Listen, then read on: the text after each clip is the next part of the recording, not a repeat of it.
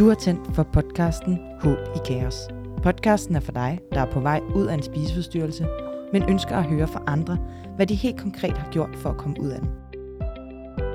Det tager tid at slippe fri af en spiseforstyrrelses mange regler, og det kan føles kaotisk og helt uoverskueligt at stå midt i.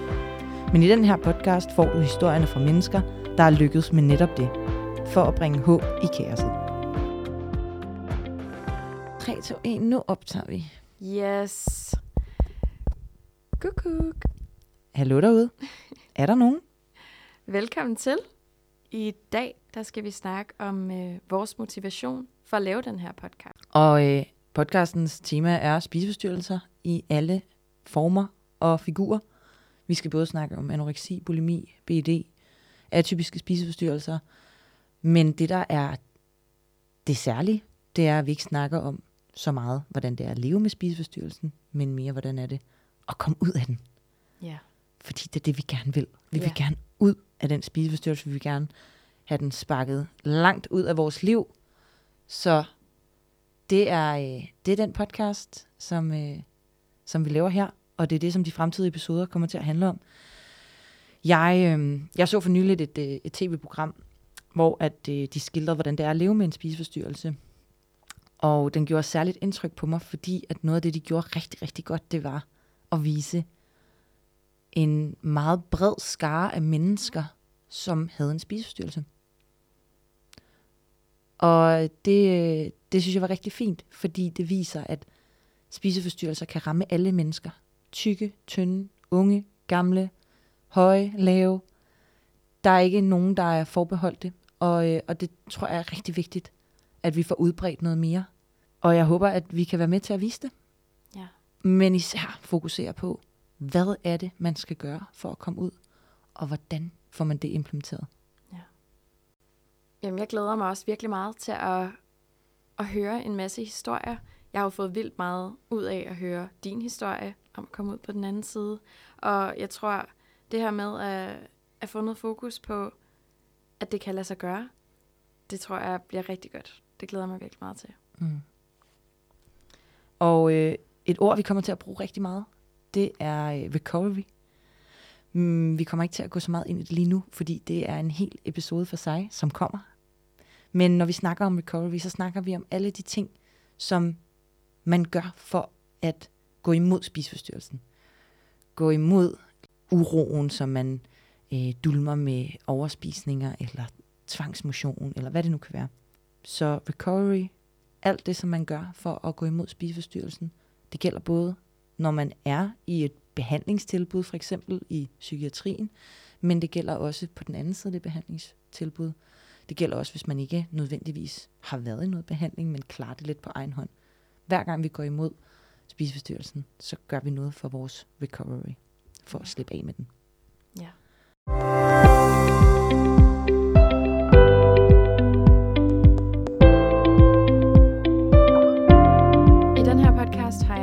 Kalde mig Sofie. Øh, det er ikke mit rigtige navn, men det gør jeg, fordi det føles tryggest for mig, fordi jeg står i min recovery-proces og kæmper mig stadig ud af min spiseforstyrrelse. Men jeg håber jo rigtig meget på, at jeg en dag har mod på at stå frem og fortælle øhm, om det. Men i den her podcast, der hedder jeg Sofie. Altså, den her podcast har jo været undervejs længe. Mm-hmm. Jeg, øh, jeg har også selv gået med ideen længe.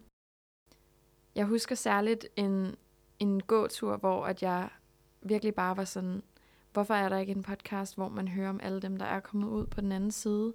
Øhm, når man er i behandling, så når folk de enten bliver afsluttet eller stopper i behandling, så ved man jo ikke, hvor deres rejse ender. Øhm, og jeg synes, der er rigtig mange fortællinger om spiseforstyrrelse, hvordan det er at have en spiseforstyrrelse, men hvordan kommer man egentlig ud på den anden side? Øhm, og jeg tænker, der må være en rød tråd øh, i måden, man kommer ud af en spiseforstyrrelse på, ligesom der er i, i det, sådan det er at have en spiseforstyrrelse. Øhm, og jeg tror egentlig bare, for mit helt eget øh, egoistiske synspunkt, at jeg virkelig gerne vil høre en masse historier fra mennesker, som hvor det lykkes, hvor de er kommet ud på den anden side, øhm, og på den måde kan skabe håb og, og tillid øhm, til at fortsætte den kamp, som er virkelig, virkelig hård. Mm. Og det er jo så mega modigt og mega stærkt, at du stiller dig op foran mikrofonen alligevel, fordi spiseforstyrrelser lever bedst i det skjulte. Og jeg håber rigtig meget, at du får rigtig meget ud af den her podcast. Vi håber selvfølgelig også, at øh, jer, der lytter med derude, kan bruge noget af det, som vi kommer til at snakke om. Øhm, men, øh, men jeg er spændt på at se, hvad det også kan gøre ved, ved din rejse. Ja. Og så håber jeg på, at vi kan komme omkring øh, og gøre lytterne klogere på den svære recovery-proces, øh, som for rigtig mange med en spiseforstyrrelse kan føles enormt ensomt og langtrukken og modløst øh, og ekstremt undervurderet i forhold til, hvor hårdt og tidskrævende og svært det faktisk er. Øh, så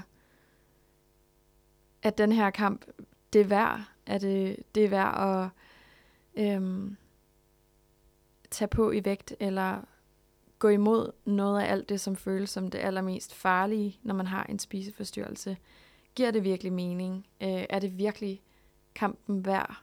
Øhm, og, og kæmpe hver dag.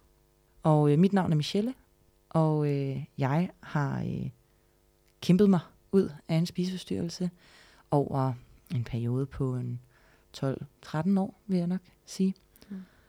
Øhm, og øh, jeg var indlagt en kort periode, og har så siden da haft ret meget frie tøjler, så at sige, til at finde ud af, hvordan skal jeg komme ud af det her. Og det er jo blandt andet min motivation for at, for at lave en podcast om emnet. Øhm, jeg savnede noget opbakning. Jeg savnede at høre fra andre. Lidt ligesom, som du siger, Sofie, at, at det, det er rart at høre om, at der er nogen, der lykkes med det. Og, øh, og det er rart at høre om, hvilke skridt de har taget for at blive inspireret til ens egen proces. Noget kan man bruge, og noget kan man ikke bruge. Men det, at man, øh, at man kan tage noget med, og man får et andet perspektiv på nogle ting, det havde jeg i hvert fald brug for, da jeg gik igennem det. Øhm, omkring 3-4 år efter, at jeg var blevet udskrevet, øh, der, øh, der begyndte jeg at sige, at jamen, jeg var rask for min spiseforstyrrelse. Ja, jamen, jeg havde haft den her spiseforstyrrelse, men jeg, nu var jeg rask igen. Og det er sjovt at tænke tilbage på, fordi når jeg kigger på mig selv dengang nu, så tænker jeg, jeg var overhovedet ikke rask. Men lige så snart jeg faktisk blev udskrevet fra hospitalet, der havde jeg sådan en idé om, det må vel betyde, det betyder vel så, at jeg er rask. Mm. Jeg havde det mega svært. Jeg havde det øh, rigtig dårligt med mig selv, med min krop, med min mad, med min træning. Jeg overmotionerede, jeg spiste for lidt. Men jeg, jeg havde sådan, men hvis de ikke vil have mig på hospitalet længere, så er jeg vel rask. Så kan det godt være, at jeg går i sådan noget ambulant forløb på sådan en diætist, og det her og det her. Og, øh, og det, det, det internaliserede jeg. Altså, det tog jeg bare ind og sagde, hm, okay, så må jeg være, så må jeg jo være rask, og så kan jeg snakke om det på den afstand. Øh, fast forward 10 år senere, hvor at jeg så alligevel øh, stadig, øh, eller i hvert fald fandt ud af, at, at øh, jeg var ikke så rask, som jeg troede, jeg var. Og at der var rigtig mange ting, som jeg mm, måske løg lidt over for mig selv. At jeg sagde til mig selv, at det var ikke spiseforstyrret at gøre. Men det var det måske alligevel. Men det kan spiseforstyrrelsen jo også rigtig godt lide. Mm-hmm. Den kan jo rigtig godt lide det her med at bilde sig selv ind, at man er rask, eller man er noget i mål. Og det her med, at, øh, at man egentlig gerne vil holde et par døre åbne stadig til spiseforstyrrelsen. Det kan godt være, at man ikke mm. er indlagt længere, eller øh, er i noget intenst behandlingsforløb. Øhm, men, men det her med alligevel vil holde lidt på, at jeg vil stadig gerne fortsætte med det her, eller mm. jeg vil stadig gerne træne så og så meget. Mm. Øhm, det er jo sådan noget, spiseforstyrrelsen godt kan lide. Mm. Og allerhelst i det skjulte. Lige præcis. Og det, som der var sådan vendepunktet, vi kommer øh, meget mere ind på, på min historie i en, øh, i en senere episode, men, Men bare lige kort øh, var vendepunktet for mig at møde øh, min nu mand for ja, seks år siden er det efterhånden. Øh, det at se mig selv igennem hans øjne på en eller anden måde, fik mig til at indse nogle ting. Mm. Han stillede også spørgsmålstegn ved nogle ting, og pegede nogle ting ud for mig, hvor jeg var sådan, nej, nej, nej, nej, nej, nej. Sådan er jeg slet ikke. Så forstyrrede jeg slet ikke. Men, men jeg havde det bare så svært, Mm. at jeg ikke, og jeg kunne ikke, jeg kunne ikke, jeg kunne ikke slippe det. Nej. Jeg kunne ikke slippe de her ting. Øhm, og udover at han havde en stor rolle, jamen så, øh, så har jeg læst en, øh, både en bachelor og en kandidat i idræt. Jeg har arbejdet som personlig træner i mange år. Haft mit eget træningscenter. Øhm, og øh, jeg er også frivillig i foreningen Spiseforstyrrelser og Selvskade, som vi i øvrigt laver den her podcast i samarbejde med. Ja. Øh, og alt det her, som jeg så har arbejdet med, det har været med til at, sådan, at skubbe mig i den rigtige retning. Det har været med til at give mig mod til at tage de skridt ud af spiseforstyrrelsens lænker. Mm. Så sådan, det er sådan min vej i, i korte træk. Øh, Mm. Og øh, som sagt, så er jeg, så er jeg frivillig i foreningen øh, Spiseforstyrrelse og Selvskade, hvor at, øh, at det også er min motivation øh, til at hjælpe mennesker, der står midt i spiseforstyrrelsen, med at træde nogle skridt i den rigtige retning. Øh, jeg prøver at være behjælpelig ved netop at, at fortælle min historie. Og, øh, og mm, motivere, støtte i det der med at gå igennem de her hårde perioder, som en recovery er. Giv dem på en eller anden måde noget styrke til at kunne stå i det.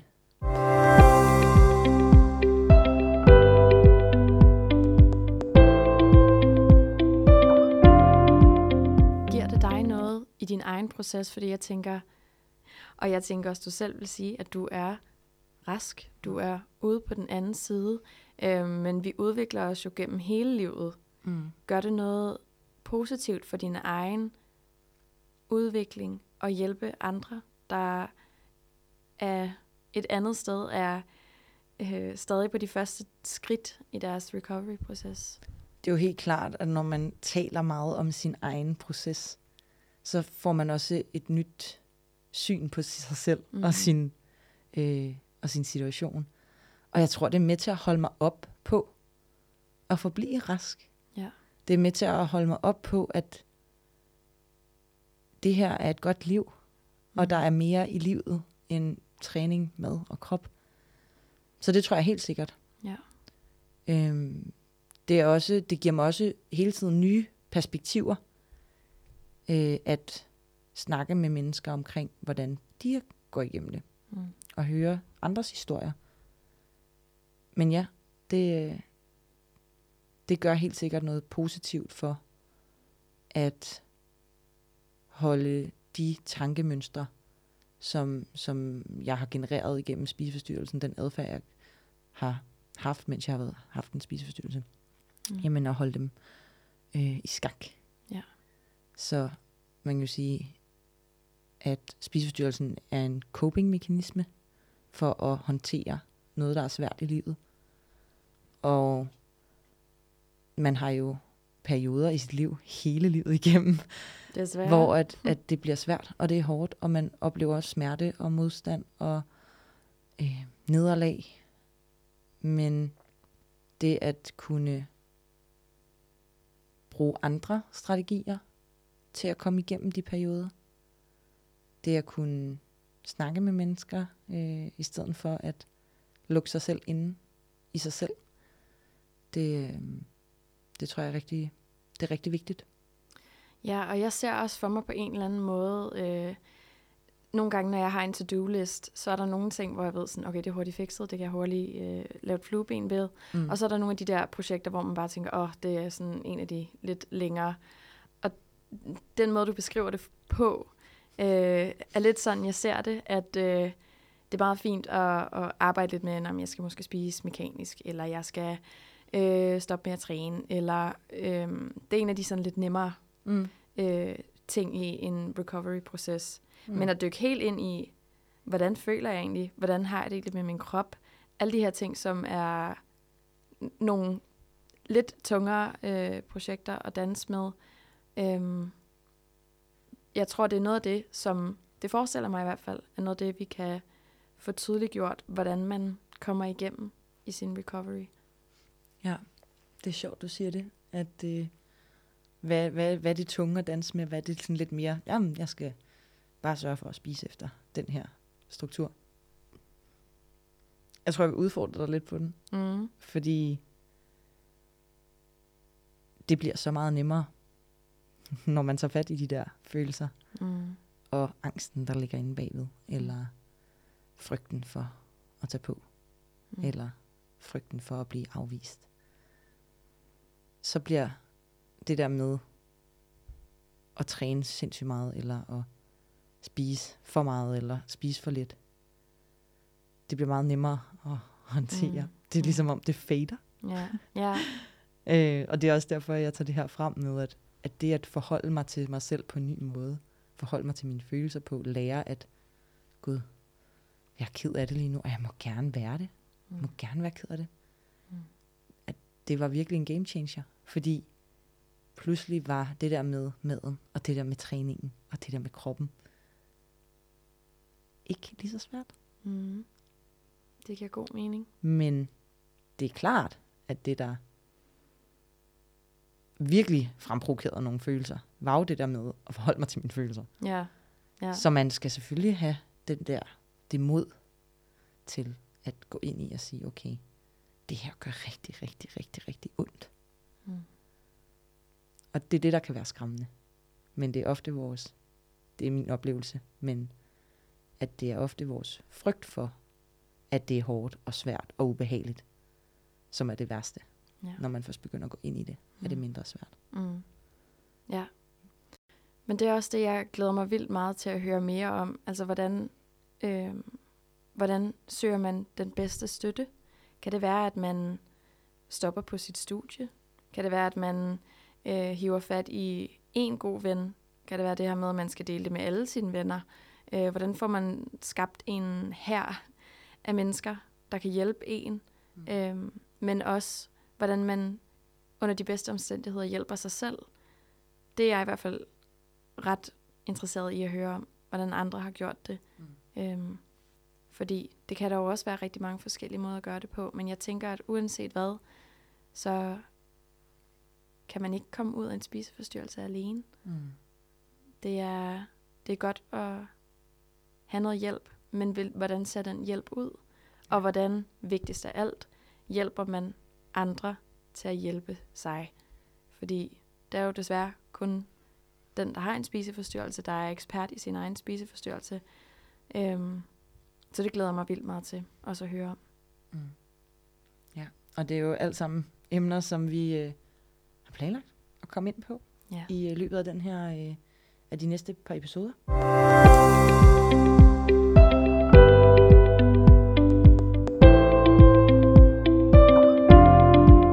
Så for at runde episoden af, vi håber jo, at øh, jer, der lytter med, kan tage noget med fra podcasten, om I er, om I selv står i en spiseforstyrrelse, om I er på vej ud af den, om I er helt ud af den, så kan det stadig være, at der kan være nogle små ting, som kan holde jer øh, ved godt mod.